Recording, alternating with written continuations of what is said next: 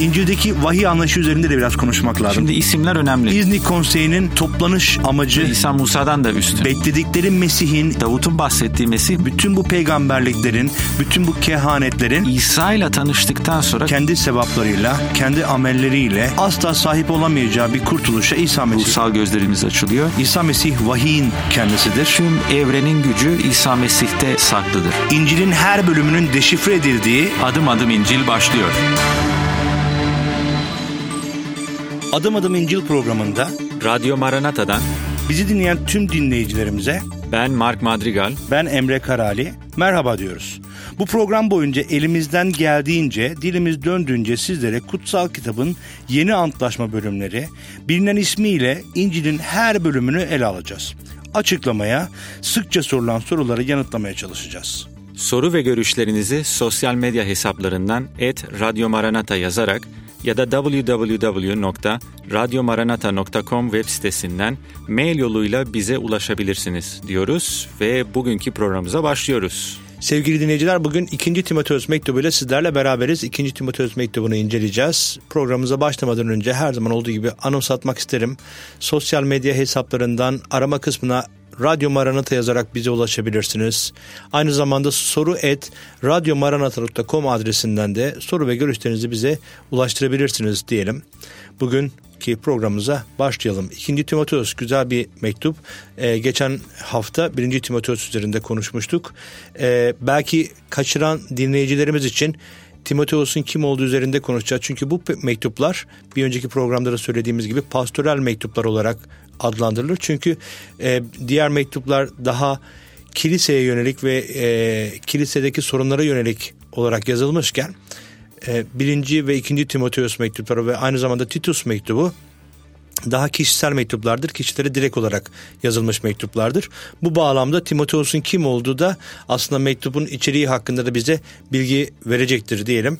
Timoteus kimdir Mark? Şimdi Timoteus Listra'da yani bugünkü Konya Hatun, Hatunsaray köyünde e, doğmuş büyümüş e, birisidir. Anadolu çocuğu diyebiliriz kendisine. E, Listra emekliliğe ayrılan askerlerin yaşadığı merkezlerden biriydi ve anladığımız kadarıyla e, Timoteus'un annesi Yahudiydi, babası ise Grek idi, Yunandı. E, kendisi ikinci nesil bir imanlı çünkü ikinci Timoteus'tan bildiğimiz kadarıyla annesi Evnike ve anneannesi Lois de imanlıydı. Büyük ihtimalle kendileri Pavlus'un ilk e, yolculuğunda Listra'da iman etmişlerdi. Daha sonra onların aracılığıyla genç Timoteus iman etti ve Pavlus ikinci yolculuğunu yaparken Listra'dan geçerken Timoteus'u yanına aldı. Dolayısıyla Timoteus bir nevi Pavlus'un talebesiydi, öğrencisiydi. Onun e, ruhsal manevi çocuğu diyebiliriz ve e, Timoteus da ee, özellikle iman elçilik ve öğretme armağanları vardı. Ee, kendisinin önderlik armağanları vardı. Dolayısıyla Pavlus onu Efes Kilisesi önderi olarak atadı. Efes Kilisesi Pavlus için zaten çok önemli bir bir yerdi. Efes kenti. Ee, Zaten Pavlus hayatının yaklaşık 3 yılını Efes kentinde e, geçirdi. Dolayısıyla yüreğine yakın kentlerden bir tanesiydi. Ee, Timoteus'un anlamı Tanrı'dan korkan veya Tanrı'yı onurlandıran anlamını taşıyor. Kendisi son derece mütevazi, alçak gönüllü, Tanrı korkusuna sahip birisiydi ama gençti ve bu gençliğinden ötürü de zaman zaman kilisede onu yargılayanlar veya suçlayanlar veya iftirada bulunanlar oluyordu. Evet yani bu kişisel mektupta o yüzden Timoteus'u tanımak önemli. E, ikinci Timoteus mektubuna geldiğimizde işte Timoteus yaklaşık 4 yıldır Efes Kilisesi'nde hizmet ediyordu. Yaklaşık da 10 yıllık bir Pavlus'la bir hizmet geçmişleri söz konusuydu. İşte bu e, 10 yıl içerisinde Timoteus işte Troas, e, Filipi, Korint gibi yerlerde e, Pavlus'un ikinci ve üçüncü e, misyonerlik yolculuklarında da ona eşlik etti. Pa, e, Pavlus'la birlikteydi. Ee, yani bir anlamda şöyle bir şey vardı. Pavlus da bu geçici hizmeti sürdürüyordu ama e, yerleşik bir hayat içerisinde bir kilise hizmeti e, bir anlamda Timoteus için yeni bir şeydi. E, öğrenmesi gereken bir durumdu. Pavlus'un e, üçüncü yolculuğunda da yaklaşık üç yıl kadar bir e, hizmeti söz konusu e, Timoteus'un. Dolayısıyla bir anlamda e, müjdeye gönül vermiş, müjde için hayatını ortaya koymuş kardeşlerden bir tanesidir. Şimdi e, Paulus'un yazdığı bu mektup aslında sonuncu mektubudur. E, çünkü e, bu mektup yaklaşık olarak 66-67 senelerinde gibi yazıldı ve kısa bir süre sonra da zaten Paulus e, yargıdan geçti ve infaz edildi e, Roma'da. Evet Roma vatandaşıydı Paulus. Muhtemelen bu e, Roma'daki hapisteyken e, bunu yazdı. Roma vatandaşı olduğu için yani onu işte e, aslanlara atılması ya da çarmıha gerilmesi söz konusu değildi. Bir ayrıcalık vardı onun ölümüyle ilgili. Başının kesilmesi Roma vatandaşı olduğu için. Dolayısıyla e, kılıçla başının kesilmesinden hemen önce e, biliyoruz ki Neron döneminde e, bu gerçekleşti. E, milattan önce, e, milattan sonra 68 yıllarında e, onun hükümdarlığı sırasında. Dolayısıyla ondan kısa bir süre önce yazılmış bir mektuptur. Mektuptan anladığımız kadarıyla e, Pavlus mektubu yollamadan önce bir duruşmaya girmiş e, ama duruşmada maalesef Roma kilisesindeki kardeşler onu terk etmişler. E, kimisi herhalde Pavlus'tan utanıyordu. Hani nasıl ki e, İsa Mesih'i kendi havarileri terk etmişse problemler geldiğinde Pavlus'a benzer bir durum oluştu. E, dolayısıyla bu mektup son sözleri yani bir nevi bir vasiyetname gibi e, kendisi Timoteus'a son sözleriyle teşvik vermek istiyor. E, başarılı bir hizmetkar olabilmesi için özellikle nereye odaklanması gerektiğini vurgulamak istiyor. Çünkü Pavlus'un ilginç bir durumu var. Pavlus çok zulüm geçirdi, çok acı e, geçirdi ama neşeli biriydi ve bu neşenin sırrı neydi? Her zaman gözleri İsa'ya dikiliydi ve bir nevi aslında e, Timoteus'a aşılamak istediği bakış açısı bu. Yani çünkü Timoteus'un durumunu düşünün. E, bu mektuptan anladığımız kadarıyla Timoteus son derece üzgündü. E, bir yerde diyor ki ağlıyordu, gözyaşlarından bahsediyor Paulus Timoteus'un. E, belki depresyondaydı Timoteus. Neden? Çünkü şöyle bir senaryo düşünün. E, kendi ruhsal babanız, manevi babanız hapiste ve ölmek üzere. Dolayısıyla bu hiç e, güzel bir haber değildi. Ama aynı zamanda Efes'te önderlik yaptığı kilisenin içerisinde bazı kişiler onu dinlemiyor. Özellikle genç olduğundan dolayı onu çeşitli şekillerde eleştiriyorlardı ve e, kendisi her ne kadar Pavlus'u ziyaret istemek e, istese de bu zor durumda e, bazı çekinceleri vardı. Neden? Çünkü efendim şimdi kilisedeki kardeşler benim hakkımda kötü konuşmaya başlarsa o zaman ne yapacağım şeklinde. Zaten yazının içerisinden biliyoruz ki özellikle iki tane kardeş vardı isimlerini de veriyor. Hermogenes ve Figelos.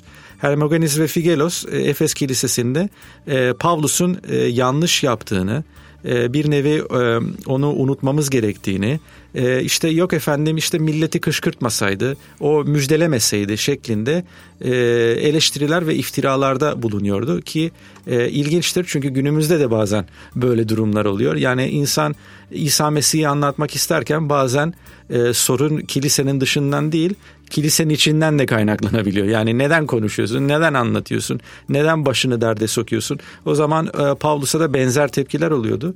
Ve bundan dolayı da e, Timoteus da çekiniyordu. Aslında çok ziyaret etmek istiyor onu ama aynı zamanda kilisedeki tepkilerden de korkuyordu. Yani hani az önce söyledin ya bir anlamda vasiyetname niteliğindeydi. Ee, bir baba oğluna vasiyette bulunurken bir anlamda kime güvenip kime güvenemeyeceği hakkında da bir ön bildiride de bulunuyor e, Timoteos'a bu konuda. Ve özellikle dördüncü bölümde, bölümde bahsettiği bazı isimler var.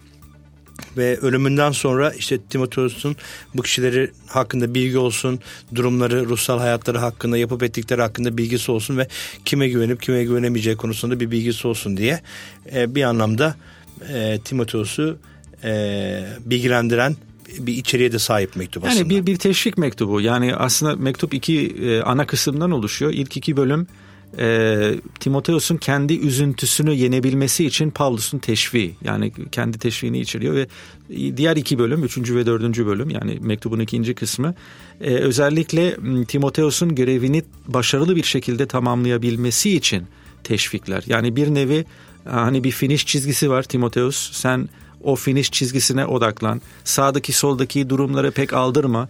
Çünkü bunları aldırıyorsan e, o zaman e, kendin de düşeceksin. Hani e, bir keresinde bir e, cümle duymuştum beni e, düşündürmüştü.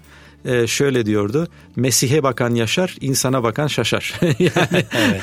bir nevi bu durum. Çünkü genç bir önderdir ve e, genç önderlerin çıktığı sıkıntılardan bir tanesi e, ben de bir zamanlar genç bir önderdim Hala belki gencim o günün şartlarına göre bilemiyorum ama e, hani hiç kimsenin yüreğini kırmayayım, kalbini kırmayayım. O efendim e, üzecek şey saygı söylemeyeyim, göstereyim, saygı evet. göstereyim filan. Dolayısıyla bunlar hassas konular.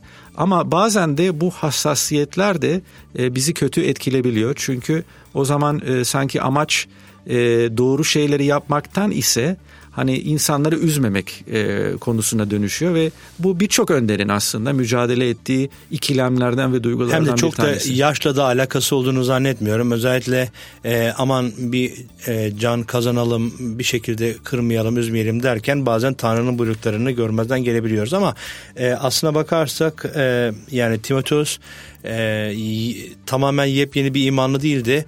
İlk e, 1. Timoteus mektubu üzerinde konuşurken de biraz konuştuk. E, ilk bölümde de değiniyor Paulus. E, görüyoruz ki aslında e, ikinci kuşak bir imanlıydı e, Timoteus. Yani büyük annesi Lois ve annesi Evnike e, imanlıydı. Dolayısıyla o iman ailesi içerisinde yetişmiş bir kişiydi Timoteus. Ve işte Paulus mektuba başlarken onun imanını, e, onun aileden gelen bu imanı da bir şekilde hatırlatarak onu teşvik etmeye gayret ediyor. Yani bir nevi aslında Paulus'un yaptığı şey Timoteus'a hani çağrını hatırla diyor. Yani nereden nereye geldiğini anımsa.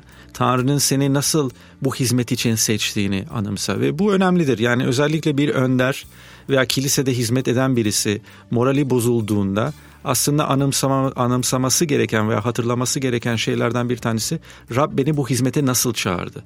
E, çünkü o her zaman e, kişiye bir moral olacak. Yani ben kendi hayatımdan e, konuşacak olursam e, ben hizmete nasıl başladığımı yani Rabbin yaptığı mucizeleri hatırlıyorum. Yani üniversiteyi e, bitirdikten sonra ben bir şekilde eğitim alıp e, kilisede hizmet etmek istiyordum ama bunu yapacak param yoktu. Dolayısıyla ben çok açık ve net hatırlıyorum Rabbe dua etmiştim bir gün evin balkonundayken. Rab sen eğitim almamı yani al, almam istediğini biliyorsun ama kaynağım yok. Yani bir şekilde ben bu ilahiyat okullarına müracaat edeceksem e, bu parayı sağla. Çünkü yoksa yapamayacağım bunu ve bir sunu olarak bir bir bir e, e, soru olarak orada bıraktım ve müracaat ettim ve Rab bu bursları sağladı. Ben tam bursla okudum. Dolayısıyla o çağrımı ben çok net bir şekilde Tanrı'nın e, duaları nasıl net bir şekilde cevapladığını biliyorum ve bu benim için en azından zor zamanlarda moral oldu. Yani evet ben e, Rab beni bu olaya, ben bu duruma çağırdı, bu göreve çağırdı. Dolayısıyla benzer bir şeyi aslında Timoteus'a öğütlüyor. Yani sen de nereden geldiğini, Rabbin seni nasıl çağırdığını anımsa ve bu seni motive edecek şeklinde hem de bütün kilise önderleri için aslında e, hizmeti kime verdiğinin e, net olması da önemli. Çünkü e, zaman zaman yaşadığımız sıkıntıları, zorlukları kişiselleştiriyoruz. Yani bu bize yapılmış bir şey gibi değerlendiriyoruz kilise önderleri olarak ama e, Paulus buna da değiniyor birinci bölümde kısmen ve diyor ki e, yani ben kendisi kendi hayatından örnek verirken diyor ki ben müjdenin habercisi, elçisi ve öğretmeni atandım. Bu amaçla acıları çekmemin nedeni budur diyor.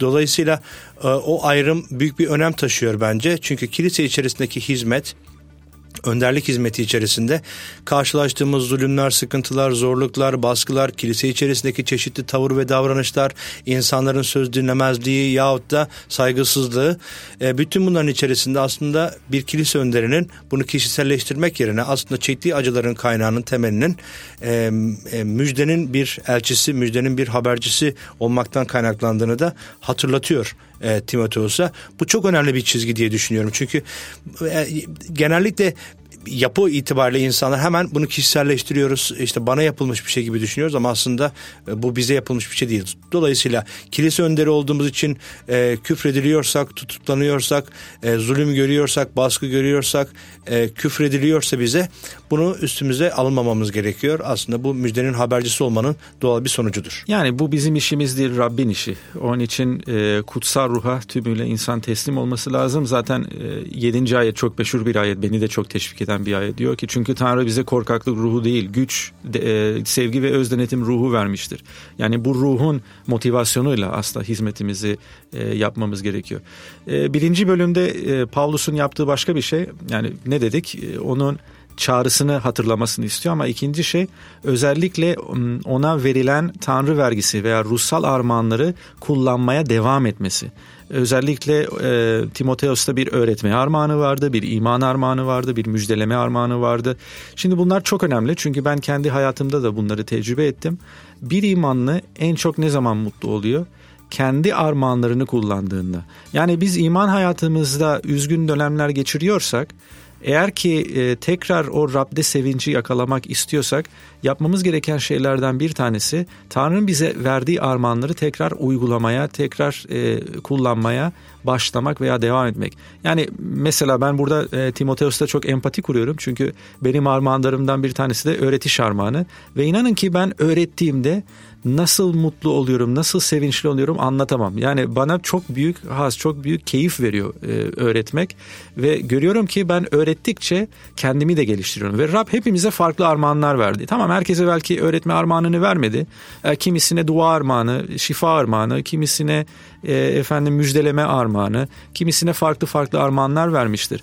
Dolayısıyla bir imanlının kendi armağanları nedir? Bunu bilmesi ve bunun üzerine kendi iman hayatını inşa etmesi son derece önemli. Neden? Çünkü zor zamanlar geldiğinde bu armağanlar sayesinde o zaman o e, motivasyonu ve o, o sevinci tekrardan yakalayabileceğiz. Buraya bir parantez açmakta fayda var. Aslında Pavlus'un açtığı bir parantez. E, bütün bu armağanları, Rabbin bize verdiği bu armağanları e, aynı zamanda bir temele oturtturmak gerekiyor. Bu temelde iyi öğretinin kendisi. E, Tanrı sözüne bağlı bir biçimde bu armağanları ortaya koymak gerekiyor ve içimizde yaşayan kutsal aracılığıyla, kutsal ruh aracılığıyla bunu korumamız gerektiği üzerinde e, uyarıda bulunuyor. Diyelim birinci bölümü dilersen burada bitirelim. Kısa bir araya gidelim. Kısa bir aranın ardından kalan üç bölüm üzerinde konuşmayı sürdüreceğiz efendim. Kısa bir aranın ardından sizlerle beraberiz. Müzik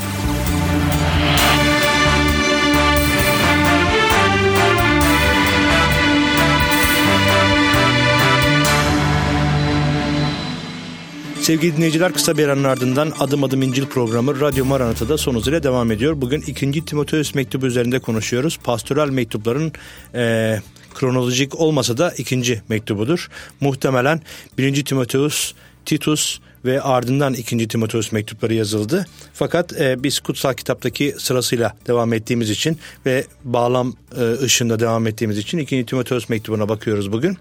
E, programımızın birinci bölümünde e, hem bir genel bakış hem de birinci bölüm özelinde bir bakış sergiledik. Şimdi ikinci Timoteus ikinci bölüme e, başlayacağız.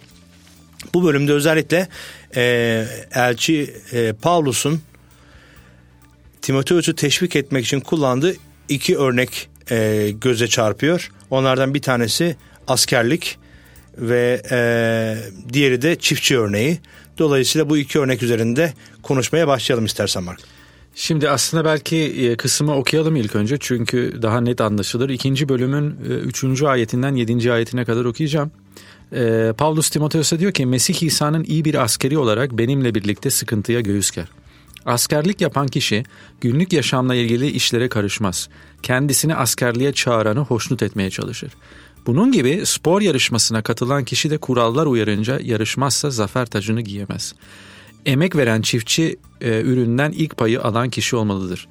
Dediklerimi iyi düşün, Rab sana her konuda anlayış verecektir. Şimdi burada üç tane örnek görüyoruz Paulus'un verdiği Timoteus'a. Asker örneği, sporcu örneği ve çiftçi örneği. Bu örneklerin ortak noktaları ne olabilir? E, ben birkaç tane e, buradan e, düşünce çıkarıyorum. Birincisi e, başarılı sporcu, başarılı asker ve başarılı çiftçi hayatında bir odak vardır. Yani sporcunun odağı nedir? Madalyayı kazanmak mesela. Askerin odağı nedir? Yani bir nevi e, komutanını hoşnut etmek diyelim. E, çiftçinin odağı nedir? Hani hasatı alıp e, ve bununla e, ailesini geçindirmek mesela. Dolayısıyla bu kişiler nasıl başarılı oluyor?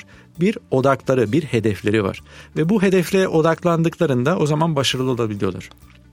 Aslında bu iman hayatımız için de önemli. Ben çok kişi görüyorum ki iman hayatlarında bir hedefleri yok. Bir odakları yok. Ve o zaman ne oluyor? İniş çıkışlı bir iman hayatı, e, depresyonlar içinde, üzüntüler içinde bir e, iman hayatı sürdürüyorlar. Bakın bu çok önemli.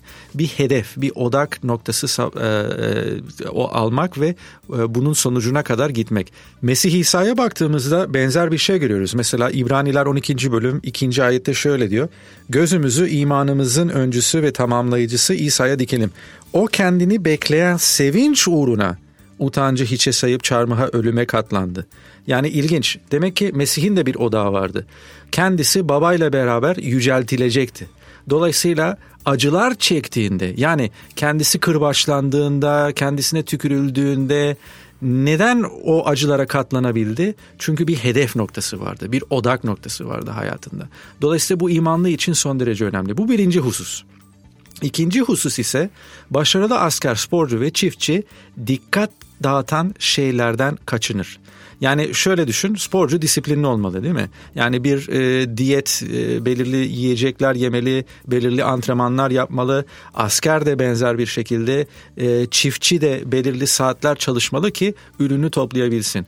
Dolayısıyla hayatta bir disiplin lazım. Yani dikkatimizi çalan boş şeylerden arınmak. Ve iman hayatı da böyle. Dolayısıyla iman hayatında biz de ilerlemek istiyorsak o zaman kendimizi e, kelamı çalışmaya, dua etmeye, efendim imanlı kardeşlerle bir araya gelmeye zaman tanımamız lazım. Yani şöyle bütün gün televizyonun başındaysak yani iman hayatımızda da büyüyemeyiz. Dolayısıyla bir disiplin lazım iman hayatında. Ve Rab'den bizi alıkoyan şeylere bulaşmamak lazım. Dolayısıyla bunlar yapıldığında o zaman e, sporcu finish çizgisine gelir. E, asker ödülünü alır e, çiftçi de hasadını e, toplar ve bu şekilde imanlı sıkıntıya göğüs gerebilir, dikkatini Rabbe verebilir, dünyevilikten soyunur ve en sonunda tabii ki e, itaat eder ve bu itaatıyla da efendisini de hoşnut eder. Yani belki ülkemizde herkes sporcu değil ama tarım konusunda hemen hemen ülkemizde birçok kişi bilgi sahibi ve aynı zamanda özellikle erkekler askerlik konusunda da çok bilgi sahibi. Dolayısıyla e, bizim askerlikte bir söz vardır. E, o aklıma gel, geliyor bu ayetlere baktığımda. Diyor ki askerlik mantığın bittiği yerde başlar e, diye bir söz var bizlerde. O aklıma geldi e, bu ayetlere bakarken bazen e, bize mantıklı gelen ama aslında Tanrı'nın gözünde değerli olmayan o kadar çok şey yapıyoruz ki bize iyi görünen ama aslında Tanrı'nın gözünde iyi olmayan o kadar çok şey yapıyoruz ki bu tip durumlarda aslında Timoteos'a verilen öğüt hepimiz için geçerlidir senin söylediğin gibi. Bir anlamda bizim doğrularımız bize iyi gelen bizim tecrübelerimizin sonunda e, elde etmeye gayret ettiklerimiz değil ya da bizim hoşlandıklarımız bizim isteklerimiz bizim arzularımız değil ama e, hoşnut etmek istediğimiz e, o yüce komutanın bir anlamda ruhsal anlamda söylüyorum tabii ki. Tanrı'yı hoşnut etmenin bir yoludur. Çiftçilik de aynı şekildedir. Çünkü çiftçilikte başka bir yön de var aslında benim görebildiğim burada. O da eğer çiftçiyseniz gayret gösterirsiniz, ekersiniz, uğraşırsınız, çaba gösterirsiniz ama sonunda e, ürünün çıkması için dua edersiniz. Yani bir fırtına gelmesin, ne bileyim e, bir e, böcek saldırısı olmasın tarlaya vesaire diye. Dolayısıyla aslında her şey Tanrı'nın elindedir. Fakat çiftçi aman fırtına gelecek mi acaba diye çalışmaktan vazgeçmediği gibi yahut da işte e, mevsiminde yağmur yağmayacak diye ekmekten vazgeçmediği gibi aynı gayreti de bizim de göstermemiz gerektiği düşüncesi e, bende oluşuyor. O yüzden çok değerli iki örnek olarak görüyorum. Özellikle Türkiye bazında düşündüğümüzde belki herkes sporcu değil. E, spor o kadar aktif değil herkes.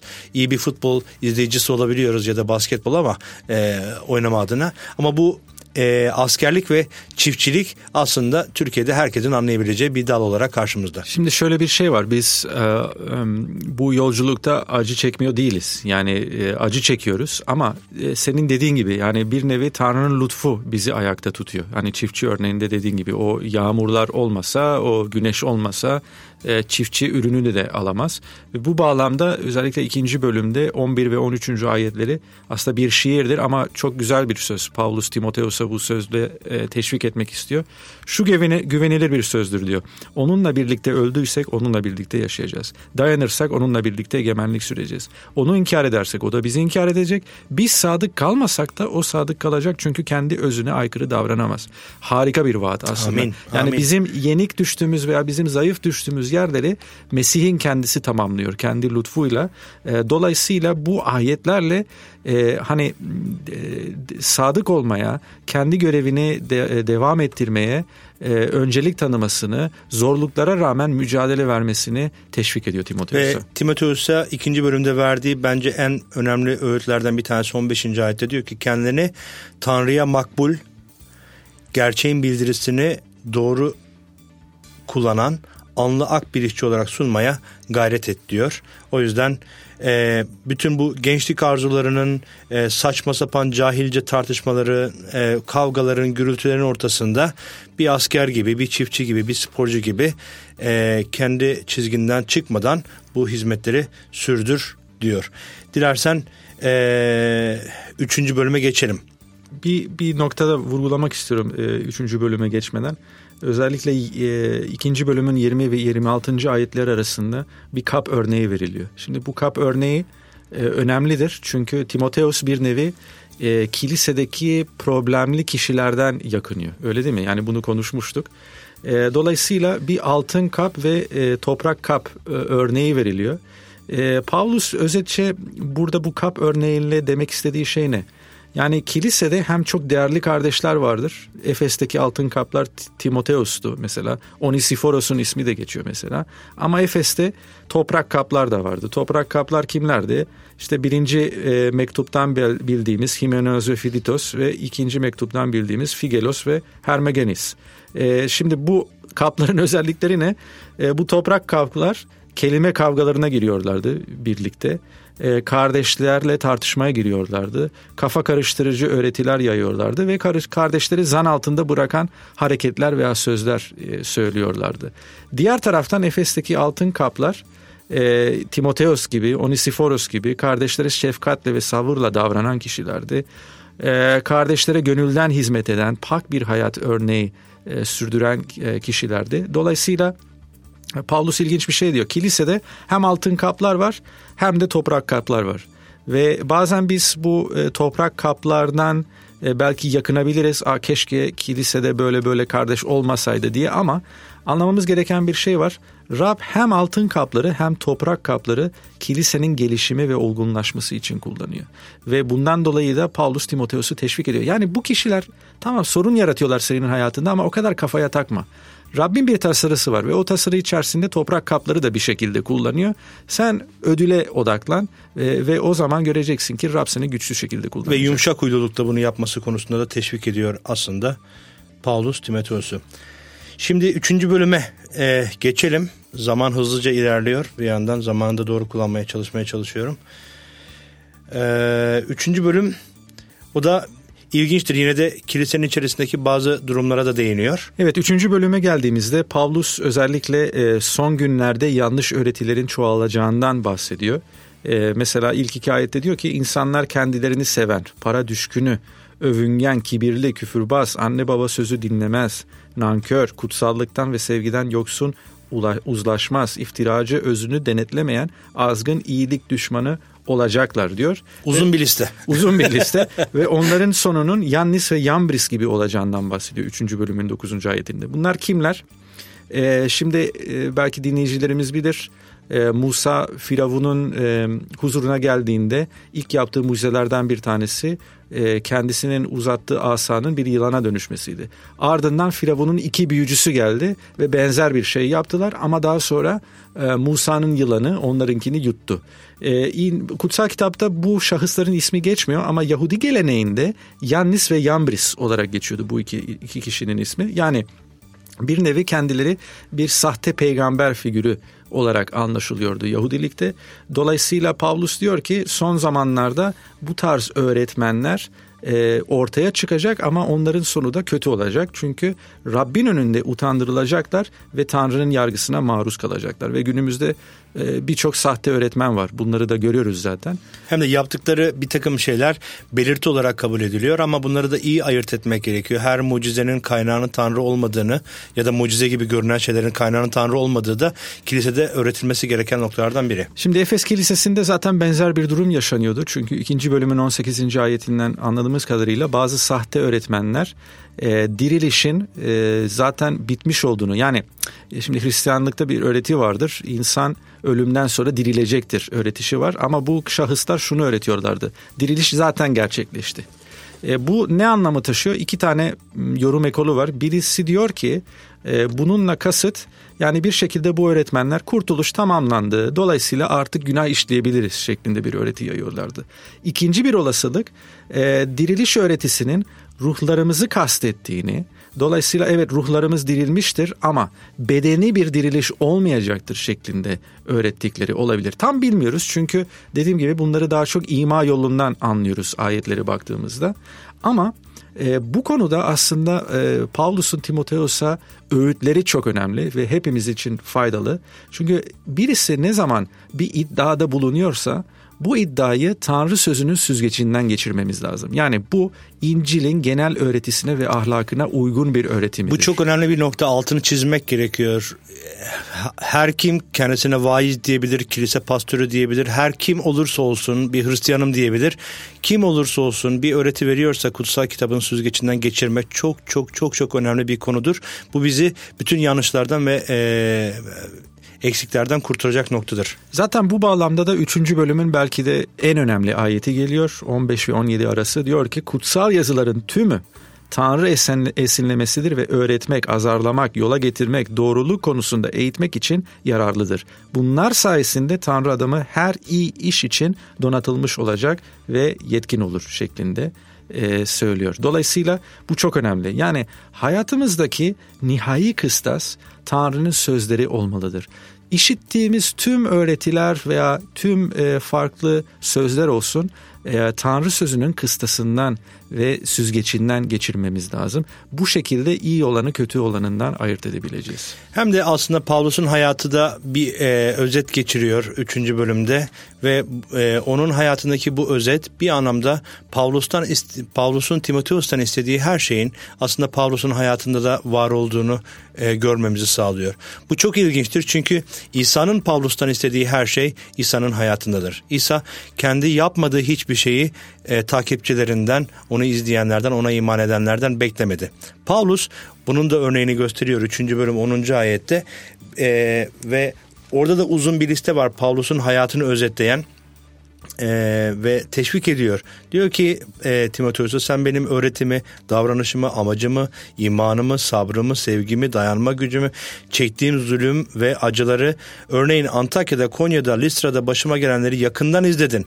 Ne zulümlere katlandım diyor. Dolayısıyla ve arkasından diyor ki e, yine de Tanrı beni hapisten kurtardı ama asıl önemli olan ilginç bir ayet diyor ki 12. ayette Mesih İsa'ya ait olup Tanrı yoluna yaraşır bir yaşam sürmek isteyenlerin hepsi zulüm görecek ve bu çok önemli bir ayettir. Bu zulümün çeşitlilikleri vardır bir, bir anlamda ama İsa'ya ait bir yaşam sürdüğümüzde dünya bir anlamda bizi kusuyor. Hani nasıl e, bedenimize e, midemizin almayacağı bir yiyecek aldığımızda ya da zehirli bir yiyecek aldığımızda vücut e, refleksle onu dışarıya atmaya çalışıyorsa dünyanın da Mesih'i ve Mesih'in öğretisini kabul etmesi aynı şekildedir.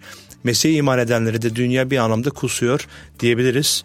Ee, üçüncü bölümle ilgili eklemek istediğim bir şey yoksa dördüncü bölüme geçelim yavaş yavaş. Evet zaten zamanımızı herhalde aşmak açtık, üzereyiz. Açtık, açtık evet. Ama yani aslında senin dediğini bir bağlam olarak ve dördüncü bölümle de bitiriyoruz zaten. Ee, şu gerçek var. Zaman zaman olacak ki biz iman hayatında terk edilmiş e, hissedeceğiz. Yani Pavlus da terk edilmiş hissetti. Özellikle son duruşması öncesinde e, kişiler, onun güvendiği kişiler orada duruşmada bulunmadı mesela. Yine de ilginç çünkü Paulus diyor ki bu onların hanesine yazılmasın. Yani bunun için İsa Mesih'e dua ediyor ve Paulus huzurlu çünkü biliyor ki Rab sadık ve idam sonrasında e, göksel egemenliğe ulaşacak veya cennette Tanrı'nın varlığını e, doyasıya e, tecrübe edecek e, ve bu çok önemli yani e, kilisede iyi örnekler var, kilisede kötü örnekler var. Çoğu zaman kardeşler kötü örneklere bakıyor ve bundan dolayı moralleri bozuluyor veya kiliseden kopuyorlar. Ama aslında yapmamız gereken şey ne? İyi örneklere odaklanmak, Pavluslar, Pavluslara odaklanmak ve dahası Rabbin kendisine odaklanmak. Hani e, demin programda söylediğimiz gibi e, Rabbe bakan yaşar, insana bakan şaşar. Dolayısıyla e, eğer ki odağımız Rabse o zaman bu zor zamanlarda bize teşvik ve motivasyon olacak ki bir nevi Pavlus'un da Timoteos'a aşılamak istediği düşünce bu. Evet ve dördüncü bölümde bir özet geçiyor aslında bu insanların ruhsal hayatları hakkında ki beraber çalıştığı insanların durumları hakkında bir bilgisi olsun diye. Yine de Pavlus'un imanı çok büyüktür. Timoteus'a olan yakınlığı da orada görüyoruz. Çünkü bir an önce onun yanında olmasını istiyor. Gerçekten güvenebileceği birinin yanında olmasını istiyor. E, ne mutlu kiliselerimizde böyle kardeşler de çoktur. Sadece bizi terk eden zor zamanlarda aram, yanımızda olmayan ama e, Timoteus gibi çok güvenilir e, ya da Priskila ve Aquila gibi e, Onisoforos gibi kardeşlerin de varlığını unutmamak gerekiyor ve bir şekilde onlarla bu bağları güçlendirmemiz gerekiyor diyelim dördüncü bölümü bitirerek ikinci Timoteus mektubunun da sonuna gelelim. Efendim bize ayrılan süreni biraz açtık. Hepinizden özür diliyoruz. Ee, umarım ki bu e, söyleş hepinize büyük bir bereket oluyordur. Ben Emre Karaali. Ben Mark Madrigal. Bir sonraki programda görüşmek dileğiyle efendim. Hoşçakalın.